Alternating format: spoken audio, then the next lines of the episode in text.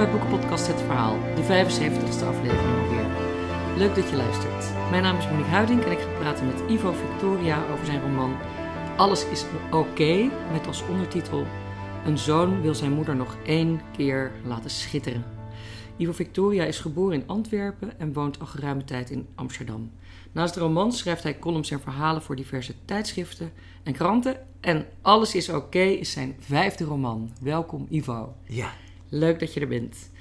Ehm, om even een beetje het beeld te schetsen van waar dit boek over gaat, zou ik je willen vragen om de achterflap voor te willen lezen. Oké. Ieder mens heeft tenminste één verhaal dat zegt: "I- Dit ben ik. Dit is het verhaal van mevrouw Stevens. Tegenwoordig slijt ze haar dagen in een flat, terwijl de spinnen in haar hoofd langzaam wegvreten wat haar dierbaar was.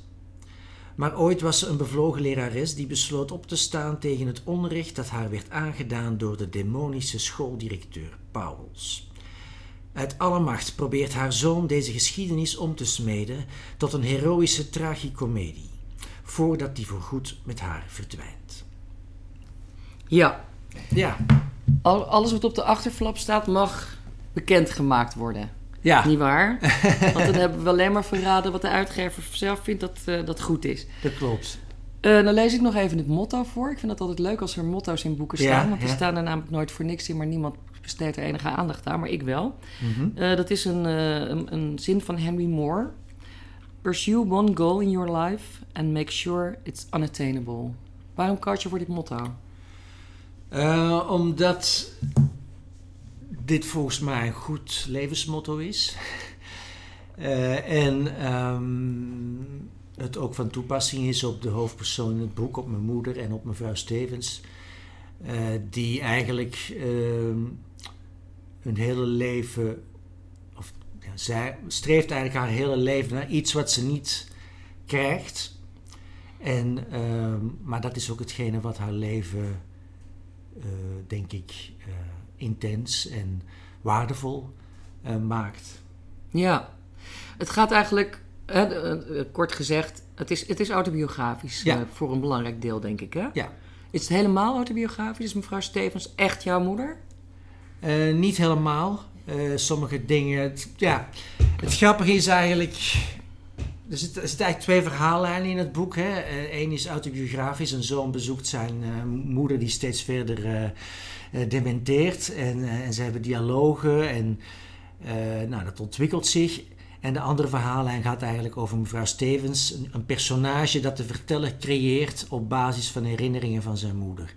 En hij probeert daar een zo mooi mogelijk eh, verhaal van te maken. En ehm, in feite zou je kunnen zeggen dat mevrouw Stevens verhaal het fictieverhaal is en het verhaal over, over de zoon en zijn moeder het, het non-fictieverhaal. Maar dat is, dat is eigenlijk niet waar. Het loopt ook door elkaar. Het loopt ook door elkaar. En, en naarmate beide verhaallijnen vorderen, eh, maar daar heeft de lezer verder geen last van, of dat weet je eigenlijk niet als lezer, maar naarmate die verhaallijnen vorderen, wordt de non-fictie steeds meer fictie en de fictie steeds meer non-fictie. Ja. Het gaat eigenlijk ook eh, voor een deel over ambitie, dacht ik. Ambitie, Ja. ja. En een gefnuikte. Een gefnuikte ambitie. Want, de hou- want het verteller, dus jij, mhm. die zit, worstelt daar ook mee. Ver- Verwachtingen en eh, grote ambities voor zichzelf. En, maar ook, ook de moederfiguur. Ja, de verteller die Hij vraagt noemt het zich- geen ambitie, maar verlangen, denk ik. Ja. Ehm, de verteller wil eigenlijk met dat verhaal over mevrouw Stevens eh, het leven van zijn moeder eh, groter en waardevoller maken en, en, en het onthouden waard eigenlijk. Daar gaat het eigenlijk om.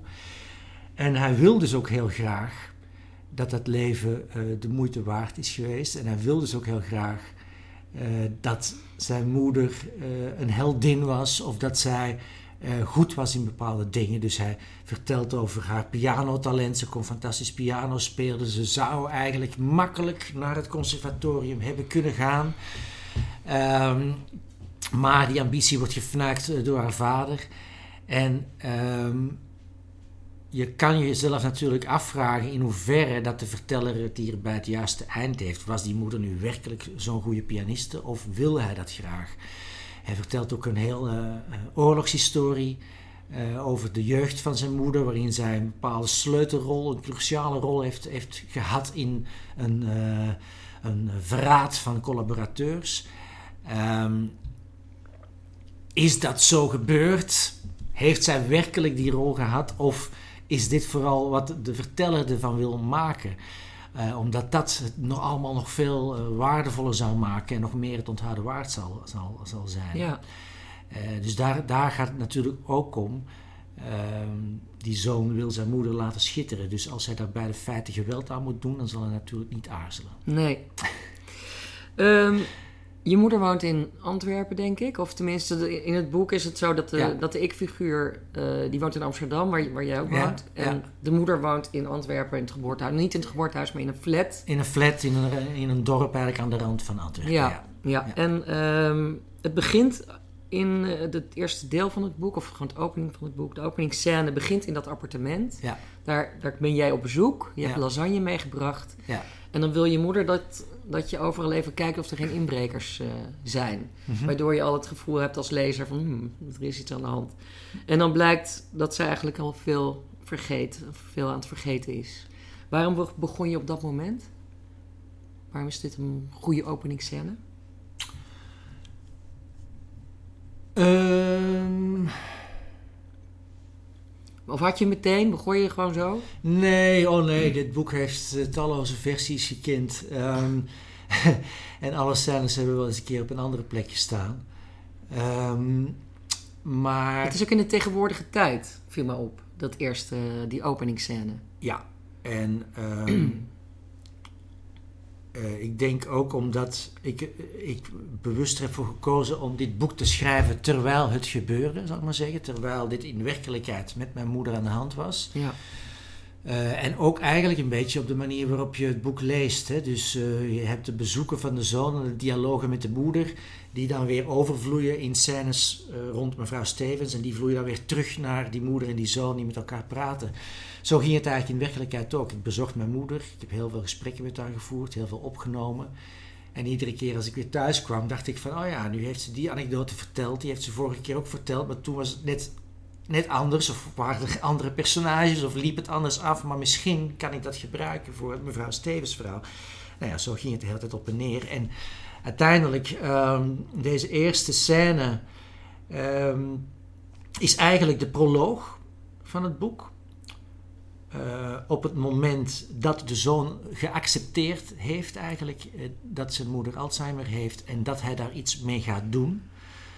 Uh, na deze scène, na deze proloog, springen we even terug in de tijd, twee jaar eerder, en vertelt hij hoe de eerste symptomen van Alzheimer en zo, ze die opmerkte en, en hoe, hoeveel weerstand hij er ook tegenover had toen hij ontdekte dat zijn moeder, toen ik ontdekte dat mijn moeder Alzheimer had.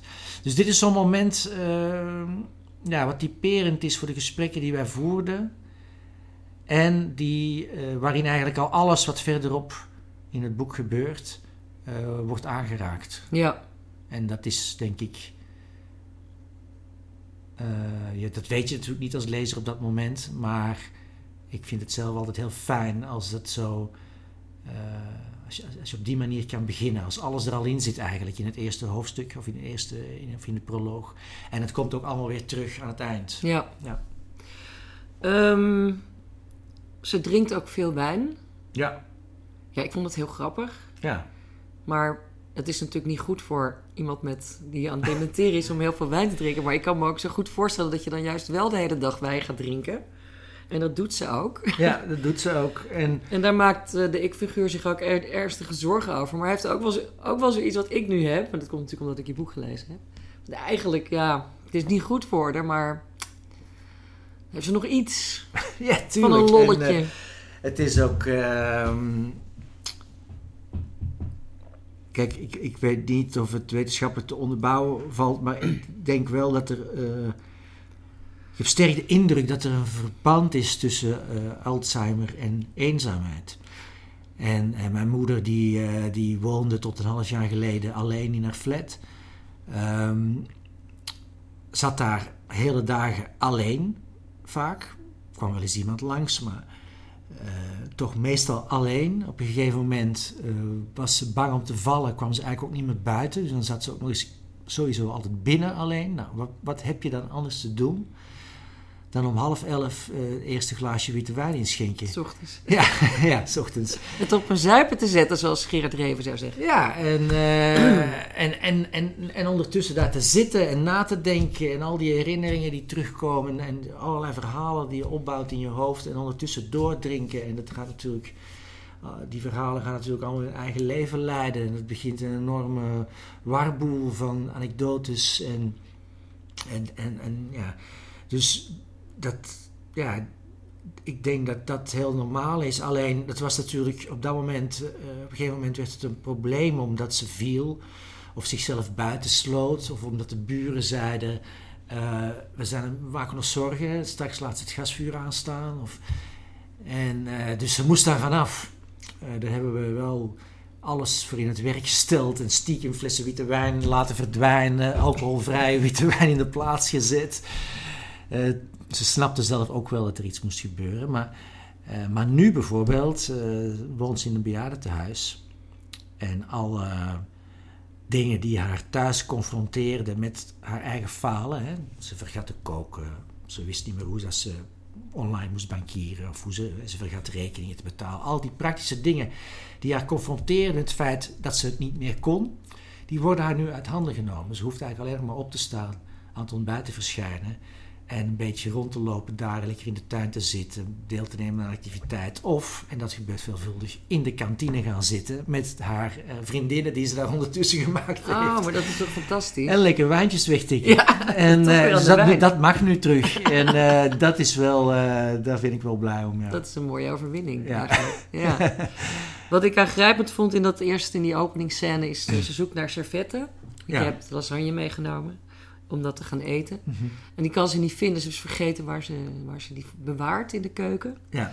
En dan pakt ze een stuk aluminiumfolie. Ja. Als, en dat geeft ze dan als servet. Ja. Ja, dat is natuurlijk heel... Uh, ja, dat vond ik echt gewoon aangrijpend.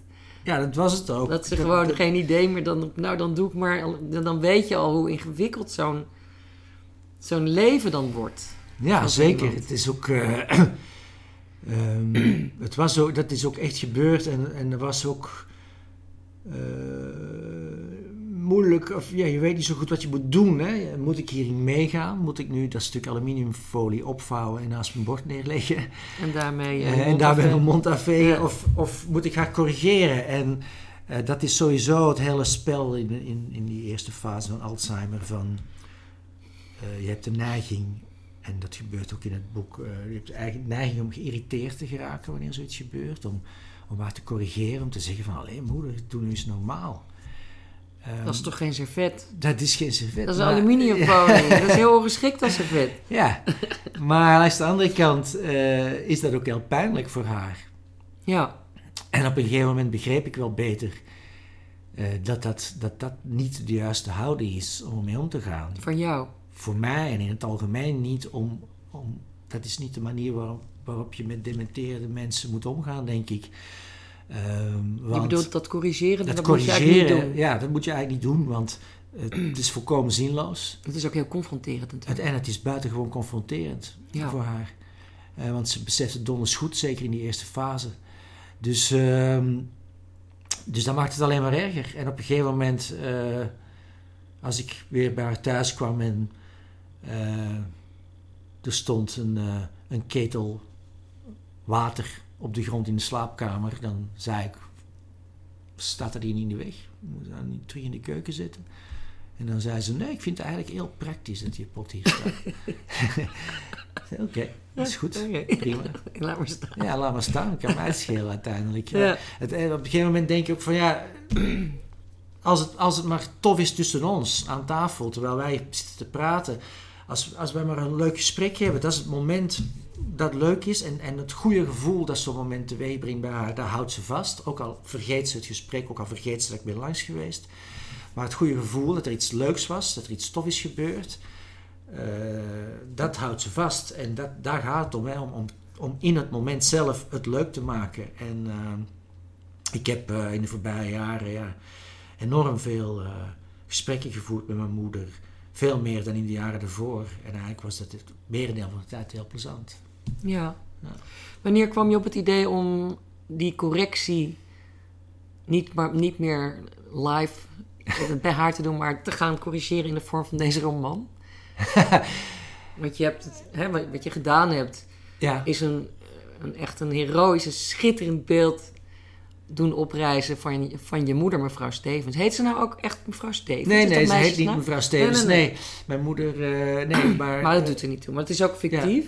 Ja. ja. maar wanneer kwam je op dat idee van... ik, ik kan haar ook gewoon op papier laten herleven? Ja, het begon eigenlijk met een kort verhaal.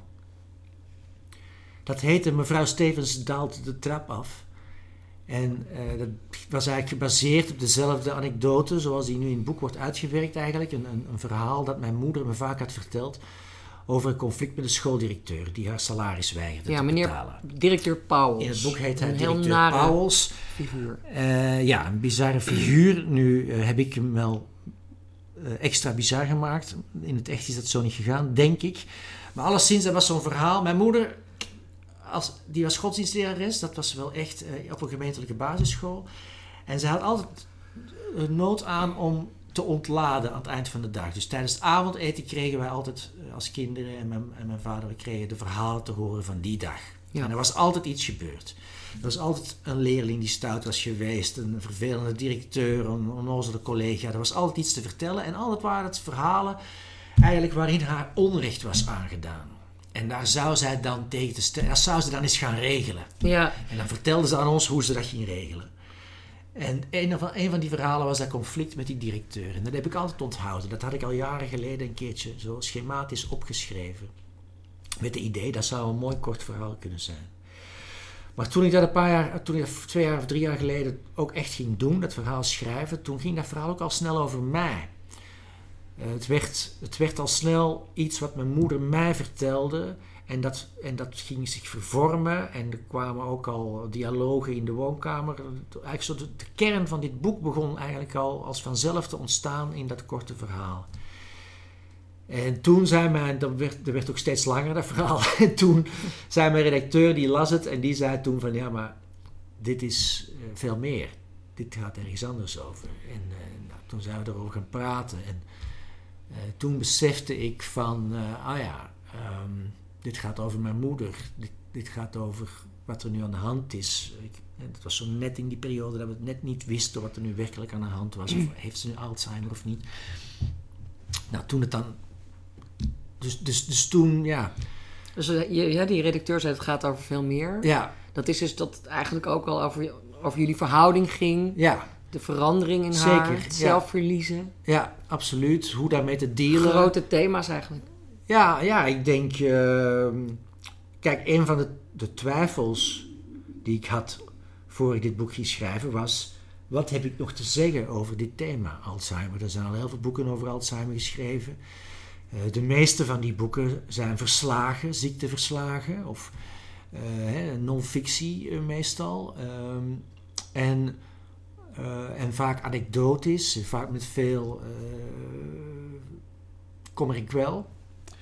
En dat wilde ik allemaal niet. Ik, ik dacht, als ik hier iets van ga maken, dan moet het ook iets zijn.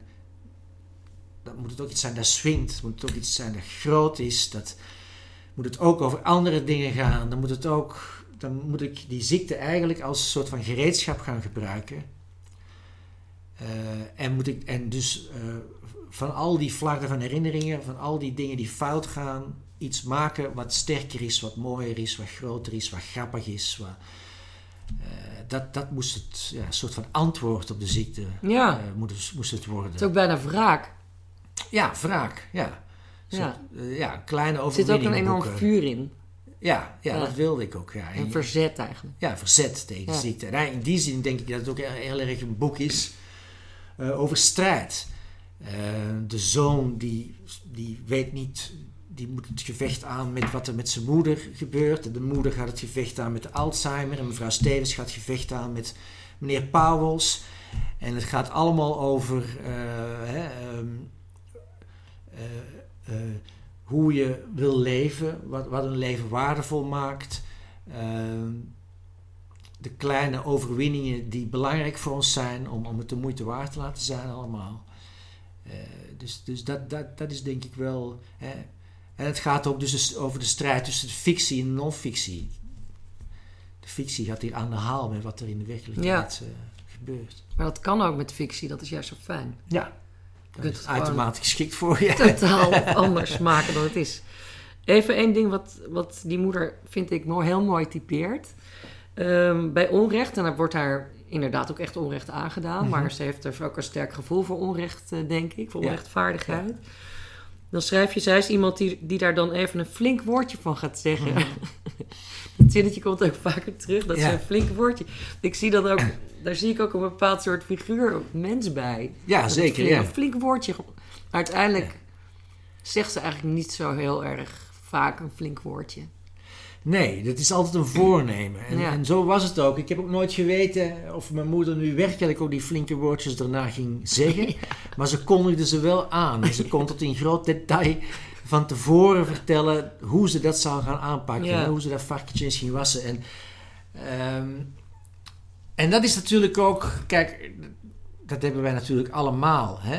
Uh, uh, alleen de werkelijkheid is meestal weerbarstig. Het, het gaat ook nooit eens een keer hoe dat we het van tevoren in huiselijke kring besproken hebben. Besproken hebben. Dus uh, dat, dat is ook wat er voortdurend met mevrouw Stevens gebeurt. Ze, heeft, ze moet naar meneer Pauwels toe om dat salaris te gaan bespreken. En ze bedenkt van tevoren een heel scenario in haar hoofd. Van, ja. Ik ga zo binnen, ik ga aankloppen, dan doe dat open, dan ga ik zitten, dan ga ik het zo en zo aanpakken.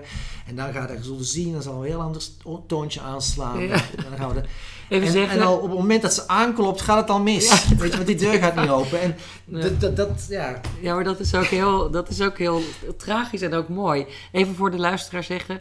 Het conflict is dat meneer Pauls al zes, haar, haar al zes maanden geen salaris heeft uitbetaald. Ja. En ze wil nou wel eens een keer, daar is ze natuurlijk woedend over. Daar heeft hij allerlei redenen voor. Ja. Niet in het minst omdat hij zelf een slecht karakter heeft, maar ook geschiedenis met haar en Ja. haar, hun beide vaders. Ja. Dan gaan we, dat moeten mensen zelf maar in het boek lezen. Maar ja, dat is het probleem. Ja. En zij kennen elkaar eigenlijk ook wel vanuit hun jeugd min of meer. Ja. En dat zit helemaal niet lekker en dat, is, dat heeft te maken met iets wat in de oorlog gebeurd is. Klopt. Maar goed, zij gaat.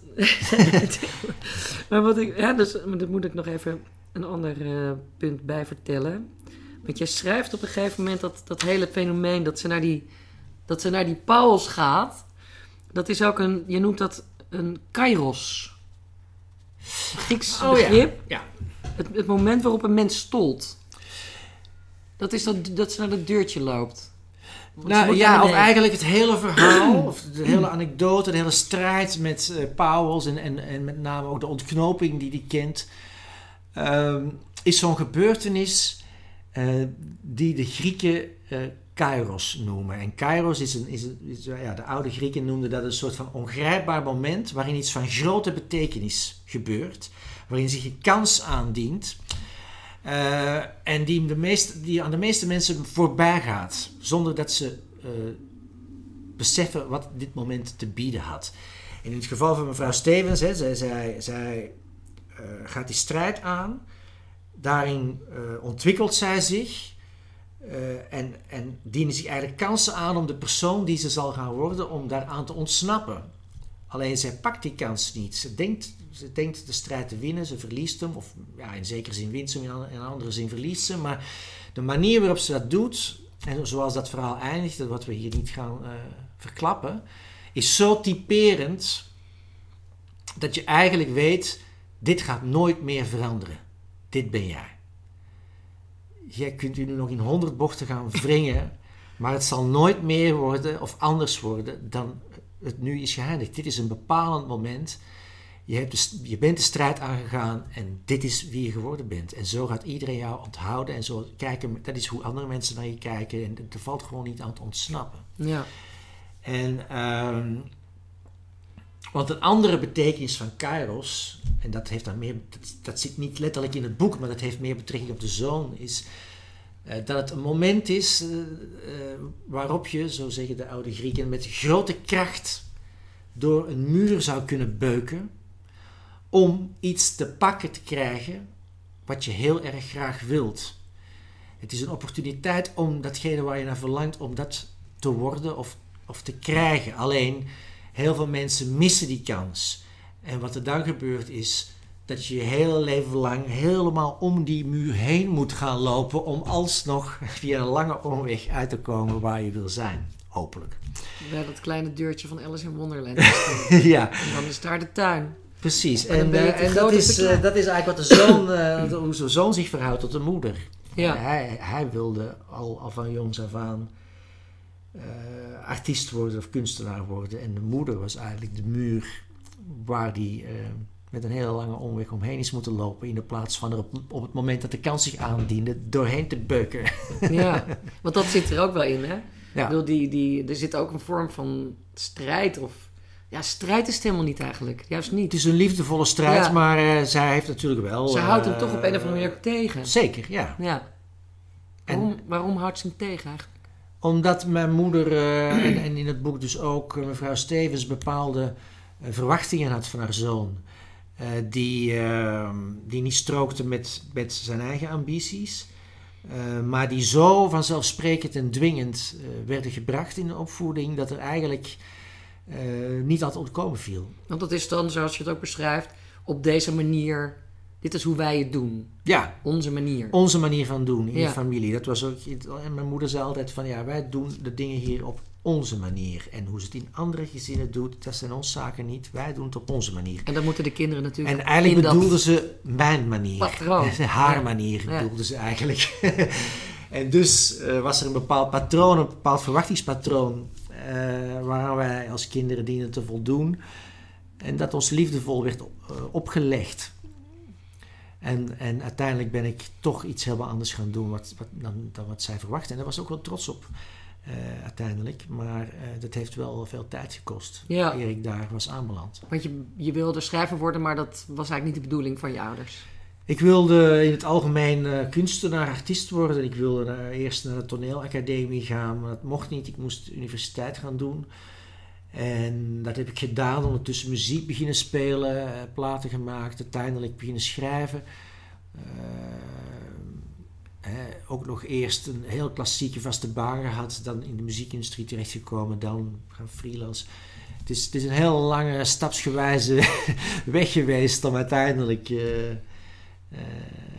tien jaar geleden te debuteren als schrijver en er nu fulltime mee bezig te zijn. Ja. Maar in feite heb je dus dan die hele lange omweg... heb je toch wel te pakken gekregen wat je... Hè, wat, Ja. je, wat je net schetste door die muur heen. Ja, ik ben er uiteindelijk in toch. Ik ben, ik ben al sinds wel aan de andere kant van die muur terechtgekomen. Ja, ik ben er omheen moeten lopen, maar het is wel gelukt. Tot op zekere hoogte natuurlijk, want ik merk ook dat, dat zelfs, en het komt ook wel in het boek voor, dat ik zelfs eh, toen ik eh, eenmaal schrijver was en, en, en de boeken eh, het goed deden, dan, dan nog bleef ik soort van mezelf altijd verantwoorden in gedachten of, of aan de telefoon eh, ten opzichte van mijn moeder. En ging het vaak in gesprekken over van eh, eh, heb je wel genoeg werk en verdient je wel genoeg geld. En dus die invloed, dat, dat meekijken van mijn moeder als een soort van poppetje dat op mijn schouder zit, dat is, dat is, dat, ja, dat, dat, is eigenlijk nog altijd zo. Ja. Je schrijft eh, op een gegeven moment het onredelijke verlangen om een verschil te maken. Ja. En de les is, verder, even verderop, beetje slaat een beetje terug op dat zinnetje. De les is, in het leven is het beter niks te proberen. De kunst is het doen zonder het te proberen. ja. Wat bedoel je daarmee? Ehm, dat dat eh, je. Dat als je dingen te hard gaat willen. eh, dan eh, forceer je jezelf vaak. En ga je vaak voorbij aan een soort van waarachtigheid. Als je dingen gewoon vanuit intuïtief doet. Of als je durft daarop te vertrouwen. Dan zal wat je, wat je maakt of doet, zal altijd waarachtiger zijn. En op het moment dat je te zeer naar het resultaat van wat je doet eh, streeft. Het is een beetje ab- abstract, hè, maar als je, om even een voorbeeld te geven, als, je, als het je te veel om erkenning te doen is of om de reacties op, die komen op wat je doet, dan, dan ga je dingen te hard willen, dan ga je te, te zeer ergens achteraan eh, zitten. En dan, en dan ga je je minder waarachtig gedragen. En, dan wordt hetgeen je maakt misschien ook minder goed? Zeker, denk ik. Omdat de intentie eigenlijk verkeerd is? De intentie is verkeerd dan, ja. Dus het is altijd beter. Uh, ja, en dat is natuurlijk lastig. Het is een soort van mindfuck. Uh, want. Dat zit altijd wel een beetje in het achterhoofd natuurlijk. Van ik ga nu heel beroemd en rijk worden. Nou ja, niet dat zozeer, maar ook. Kijk, toen ik mijn eerste boek schreef, schreef ik dat in een soort van uh, onbevangenheid, totale onbevangenheid, omdat ik niet wist waar ik mee bezig was in feite. Uh, het is de eerste keer, je vliegt erin, je hebt er zin in en, uh, en het lukte ook nog eens een keer. Zeg de titel nog eens, want die is de langste titel uit de hele literatuurgeschiedenis. Uh, ja, hoe ik nimmer de ronde van Frankrijk voor min 12 jaar won en dat het me spijt. Ja. en, maar dus dat, dat was zo'n onbevangen ding. Ook autobiografisch trouwens. Ook autobiografisch. en, en op dat moment weet je eigenlijk niet wat je aan het doen bent. Vervolgens wordt dat boek goed ontvangen, verkoopt het goed, krijgt allerlei lof. En dan is de valkuil dat je eigenlijk denkt: oh, dat wil ik nog een keer. Maar in, eh, dit is leuk, dit wil ik nog een keer. Maar, maar het gevaar is dan dat je gaat streven naar de ontvangst, naar het, de bijval en naar de verkoop. Maar dat je vergeet dat die bijval, die verkoop, dat die eigenlijk kwam doordat jij daar niet over nadacht in het begin. Niet gehinderd werd door Omdat je niet gehinderd werd door die gedachten. En, en, en, die onbevangenheid is heel moeilijk terug te vinden. Je moet toch iedere keer weer terug op zoek naar die waarachtigheid in jezelf. Naar de, naar, naar, ja, naar de kern van wat je doet. Ja, je zegt op een gegeven moment over uh, directeur Pauwels... Die schrijft ook allemaal brieven. Die, ze heeft een soort correspondentie mhm, met, mhm. Eh, met het bisdom, geloof ik, over, de, over dat salarisprobleem van mevrouw Stevens. Ja. En die is dan constant allerlei hele vage brieven. En die houdt het allemaal uh, eindeloos uit. Die doet uit het aan het lijntje en dan wordt gedoe. En dan schrijf je over hem. Directeur Pauwels verloor zich in zijn schrijverij. omdat hij doordrongen was van het idee dat hij sturing gaf aan zijn verlangen een verschil te maken. Wil je hiermee ook iets over de literatuur in het algemeen zeggen? Ja, um, um, is dat waar, we het net over hadden, een beetje ook?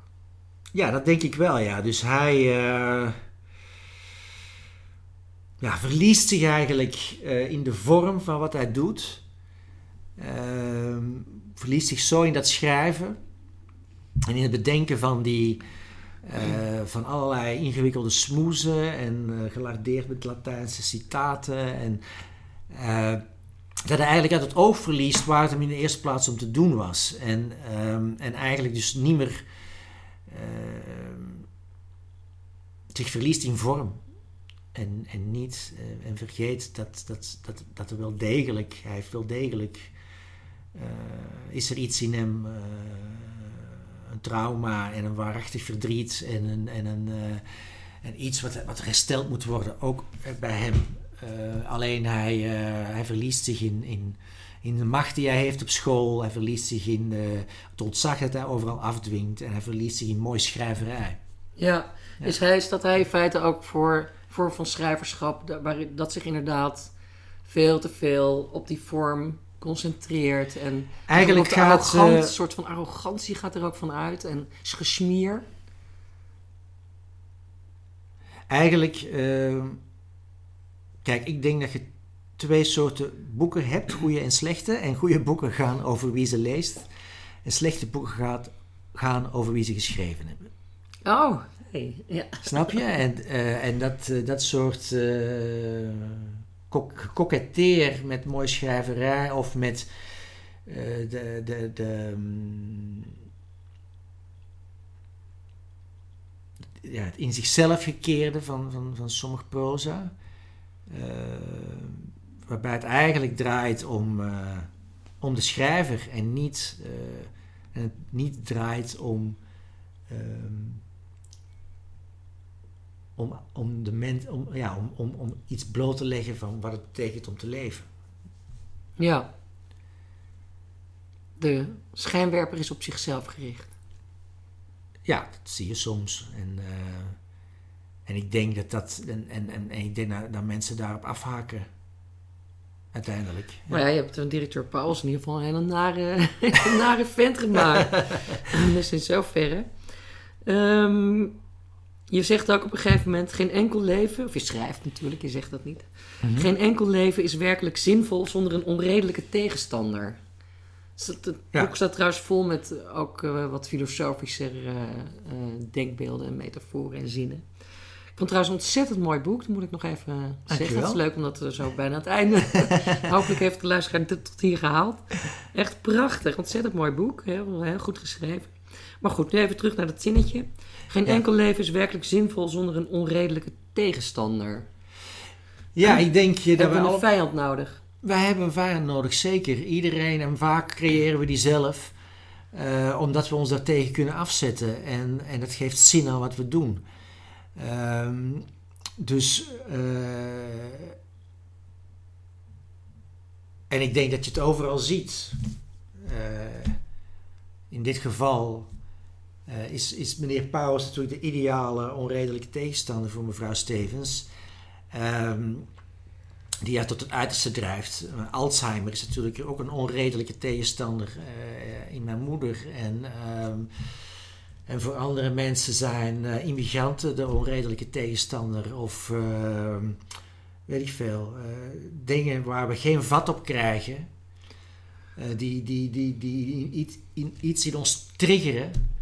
Ehm, en waar we dan ah, wij voelen vaak toch volgens mij de behoefte om daar dan een verklaring aan te willen geven. Of om te kunnen zeggen van. Uh, ja, om daar eens een flink woordje van te kunnen zeggen. maar je, je verkoppelt het aan zinvolheid. Ja, en dat, is, en dat maakt het zeker natuurlijk. Want uh, uh, dat zijn dingen die, die je doen nadenken over hoe je leeft. Die, het zijn dingen die bijvoorbeeld het leven van mevrouw Stevens en van mijn moeder. Uh, zinvol maakte, om, omdat ze heel intens werden beleefd. en omdat ze haar het idee gaf dat ze daartegen in verzet kon komen, dat ze dat kon rechtzetten, dat ze daar iets aan kon doen. Ja. Kijk, je kunt zeggen dat mevrouw Stevens of dat mijn moeder een klein leven heeft geleid. Um, maar ik denk dat dat, hè, want ze, heeft niet de zeven wereldzeeën bevaren. Ze is pas op haar 75 heeft ze pas voor het eerst gevlogen. Uh, ze is niet die pianiste geworden, ze is niet beroemd geworden. Uh, maar ik denk dat het heel aanmatigend is om dan te zeggen, ja, dat is een klein leven. Want, wat, want dat zou veronderstellen dat er een criterium zou zijn aan de hand waarvan je kunt toetsen wat een leven waard is. Mijn moeder heeft die avonturen op school heel intens beleefd. Voor haar was dat groots en meeslepend. En dus... Uh, en, en, het, en het kwam met name door onredelijke tegenstanders, als meneer Pauwels of een vervelende leerling, Ja. dat ze dat zo intens en meeslepend beleefden. Omdat ze zich daardoor, omdat, ze, omdat dat een bepaalde dynamiek gaat geven. Er stond er wat op het spel. Ja. Maar dat, met die Alzheimer, dat vind ik daar eigenlijk geen on- onredelijke... Dat is niet zinvol meer. Eh, nee, dat, Want dat ga je gewoon een- verliezen. ja, ja, het is een, dat ga je verliezen. En eh, eh, dat is een vrede ziekte. Ehm, en kijk, ik kan niet voor iedereen spreken, want Alzheimer komt in duizend verschillende vormen. Eh, mijn moeder is een hele vrolijke eh, patiënt, zal ik maar zeggen. Nou, dat is wel gelukkig. Maar ja, dat kan en, heel eh, anders uitpakken. Dat kan heel anders Ja. uitpakken. En, en ook wat ik er wel mooi aan vind op een bepaalde manier, is dat de kern van wie ze is overblijft. Of van wie ze was overblijft. Dus er valt veel decorum weg, veel. er is niet meer zo de noodzaak om beleefd te zijn of om dingen onbedekt te laten. Mijn moeder spreekt alles uit nu. En, Er zit geen eh, filter meer eh, er zit geen filter tussen. meer op. En, en, en, maar toch blijft ook de manier waarop ze dingen zegt, een bepaalde fierheid die haar altijd heeft gekenmerkt, die blijft overeind. Dus die kern van wie ze was, de, de harde pit zal ik maar zeggen, die eh, zie je nog steeds. En die wordt dan eigenlijk alleen maar duidelijker. Ja, ja. En, eh, Gaat die ook glanzen? nou ja, het, het is natuurlijk vaak pijnlijk, maar eh, het is wel mooi om te zien hoe, hoe de kern van wie ze is, hoe dat toch overeind blijft. Ja. Vooralsnog. Want je schrijft ook ergens, het is niet zozeer dat je, dat je zelf verandert, maar dat je steeds meer wordt wie je bent. Heeft dat hiermee te maken? Ja, dat geloof ik wel dat dat voor veel mensen geldt. En ehm, het, naarmate je ouder wordt, eh, en dat zie ik, dat, heb ik zelf ook al. En ik ben 48 en ik zie het bij andere mensen ook. Heel veel mensen, ja, je verliest gaandeweg de behoefte om het nog, eh, om nog eh, dingen al te zeer toe te dekken. Of je, ja, je krijgt een soort van vrede met jezelf ook. Een, een, een schaamte die voor een stukje wegvalt. En in Alzheimer uh, is er nog veel meer. Dan, dan valt er heel veel weg. Ja. Um, dus ik denk, uh, ja, wij, wij, krijgen zo, wij krijgen in onze opvoeding, denk ik, zoveel ballast mee. Dat het altijd een lang leven duurt voor we die allemaal kwijtraken. Maar veel, maar, maar, en waardoor het dus vaak lang duurt voor wie, voordat je kan zijn wie je bent eigenlijk. En dan zeggen mensen vaak van ja, die is toch al veranderd. En dan denk ik van ja, misschien durft hij nu eindelijk te zijn wie hij werkelijk was al, al heel de tijd. Ja. En dat is natuurlijk uh, een, waarde, ja, een waardevol streven, maar uh, misschien ook wel uiteindelijk uh, een onmogelijk streven om helemaal te volbrengen zoals Henry Bourne al voorzag. Ja, ja, ja. Um, we gaan een beetje naar het einde toe. Um, weet je, in het midden van het boek schrijf je: iedereen krijgt in, in het leven te maken met twee soorten mensen: mensen die je tegenhouden en mensen die je voortstuwen. Wat voor, uh, wat voor mens was jouw moeder? Of is jouw moeder? Of was jouw moeder, moet ik wel zeggen. Nou en in het boek staat er eigenlijk achteraan... Hè, bij het is eigenlijk een, een, oneerlijke vraag om aan je moeder of aan je vader... Te, of om jezelf over je moeder en je vader af te vragen. Hebben ze me nu voortgestuurd of tegenhouden? Omdat in het geval van ouderschap het voortstuwen in het tegenhouden zit vervat en omgekeerd. En mijn moeder heeft mij tegengehouden in bepaalde verlangens en ambities. Uh, maar die zijn daar misschien juist doorgevoed. Uh, ja. Want ik ben uiteindelijk toch... Uh, dus wat heeft ze dan gedaan? Heeft ze mij dat tegengehouden of voortgestuurd? Nou, ze heeft me voortgestuurd door me tegen te houden, in zekere zin. Ehm, dus ja, dat. Maar je, je, schrijft ook over je eigen kinderen. Ja. Twee dochtertjes. Mm -hmm. Uh, jij, had, jij, moest vroeger van je moeder piano spelen, maar jij laat dat geldt ook voor je, je dochters ook aan. Ja, zeker, ja. ja, ja. ik, uh, ik uh, ja, uh, omdat ik ook moet toegeven dat mijn moeder, ik ben ook wel blij dat mijn moeder, achteraf bekeken dan, blij dat mijn moeder mij ook daar tot op zekere hoogte in heeft gedwongen. Ja. Omdat ik heel veel plezier heb gehad aan, aan muziek spelen en nog steeds. Ehm, en dat is ook weer zoiets, hè. Kijk, mijn moeder, ik moest piano spelen van mijn moeder. Dat was natuurlijk klassieke muziek. Ja. Uh, ik moest elke dag oefenen. Uh, ik, werd, uh, ik werd aardig goed erin. En, um, en wat gebeurde er een keer toen, toen ik een jaar of 17 werd, of 16, toen ging ik een rockbandje spelen. Dus al die klassieke muziek, dat was natuurlijk, dat was natuurlijk een, ja, mijn moeder heeft het gelaten, geaccepteerd. Ja. Hè? Uh, maar dus in het, mijn voortstuwen richting uh, klassieke muziek, piano, hogere cultuur, uh, stuurden ze mij uiteindelijk, kwam ik, koos ik ervoor om... In het ravijn van de rock In het ravijn van de rock en roll te springen. En, ja, je hebt en, wel die techniek geleerd ook. Maar ik had wel die techniek ja. en ik had wel de kennis van muziek en dan kon noten lezen. dus ja, zo zie je maar weer. En, en dat heb ik wel altijd onthouden. Hè? Dat, dat, dat, dat, zonder, die, zonder op mijn zevende gedwongen te worden door mijn moeder een pianist te gaan volgen, was ik, had ik nooit muziek gespeeld al die jaren. En uh, dat probeer ik nu ook uit te leggen aan mijn dochters met weinig succes tot nu toe. Ja, ja, ja. Nou, laatste vraag. Ben je aan het werk aan een volgende projectroman of laat je het nog even hierbij? Uh, hij is net uit, hè? Hij is net in oktober uitgekomen, of september uitgekomen. Ja, hij is half september uitgekomen. Ja. Uh, ja, ik ben al met iets nieuws begonnen, maar dan mag ik nog niks over zeggen. Nee. Maar daar gaat binnen een paar weken al wel wat over bekend worden. Oh, dat wordt iets helemaal anders. Oh ja, iets helemaal anders. Ja. Oh, geen tipje aan de sluier? maar podcast, niemand luistert. nou, ik hoop het wel. Ja, ik ook. Oké, okay, nou dat blijft dan nog even super spannend. Dankjewel voor dit gesprek. Ik sprak met Ivo Victoria over zijn roman Alles is oké. Okay.